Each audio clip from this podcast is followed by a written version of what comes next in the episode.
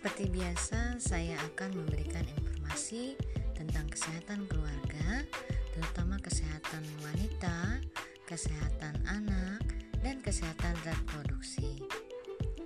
Dan hari ini saya ingin membahas tentang berbagai jenis kontrasepsi. Seperti kita ketahui, kontrasepsi adalah suatu cara untuk mencegah terjadinya kehamilan. Kenapa perlu dicegah? Karena kita perlu merencanakan kehamilan agar tidak terjadi kehamilan yang tidak diinginkan. Setiap pasangan pasti ingin menentukan dan merencanakan berapa jumlah anak yang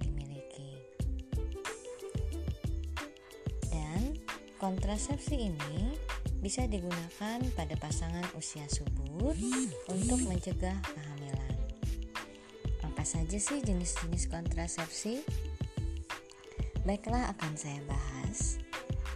Kontrasepsi ada dua jenis, yaitu alami dan yang menggunakan obat atau alat. Untuk kontrasepsi alami, itu bisa menggunakan metode pantang berkala atau metode kalender. Jadi metode pantang berkala ini yang biasa disebut dengan metode kalender merupakan metode dengan menggunakan uh, kalender untuk masa tidak subur.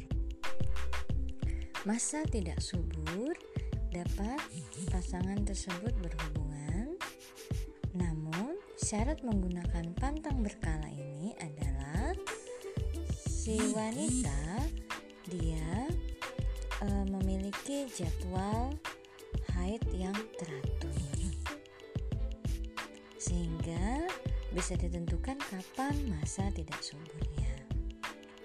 Kemudian kontrasepsi alami lainnya adalah mal atau metode amenorulaktasi yang biasanya dilakukan mencegah kehamilan pasca salin pada beberapa wanita dengan syarat tidak mendapatkan haid segera setelah melahirkan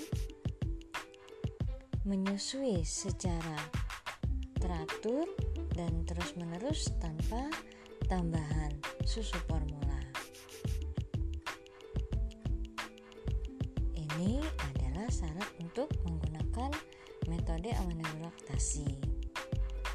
Kemudian, kontrasepsi non alami atau menggunakan obat dan alat itu terdiri dari kontrasepsi permanen, kontrasepsi jangka panjang dan kontrasepsi jangka pendek.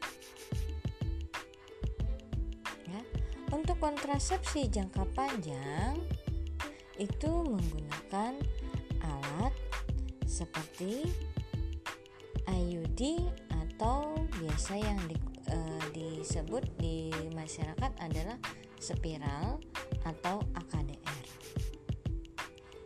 Alat yang dipasang bisa mencegah kehamilan 5 sampai 10 tahun. Kemudian yang menggunakan alat selanjutnya jangka panjang adalah implan atau susuk KB yang ditanam pada bawah kulit. Ini juga bermanfaat mencegah kehamilan selama lebih kurang Dan untuk jangka pendek, maka bisa menggunakan KB suntik yang terdiri dari suntikan 3 bulan dan suntikan satu bulan. Kemudian jangka pendek yang lain adalah menggunakan pil KB yang wajib atau rutin diminum setiap hari. Kemudian jangka pendek yang lain adalah bisa menggunakan tisu KB dan kondom. Selanjutnya ada yang permanen yaitu metode yaitu pasektomi pada pria dan tubektomi pada wanita. Kedua, kontrasepsi ini adalah kontrasepsi permanen di mana pada wanita kedua tubanya dilakukan pemotongan atau pengikatan sedangkan pada pria pemotongan atau pengikatan pada pasa deferens di daerah skrotum. Demikian jenis-jenis kontrasepsi. Nah, pada pertemuan berikutnya, saya akan membahas setiap jenis kontrasepsi. Nah, ikutin terus ya podcast saya Bidan Wardah dan semoga podcast hak kali ini bisa bermanfaat bagi kita semua ya. Makasih dari saya, salam sehat dan salam sayang Bidan Wardah. Bye bye.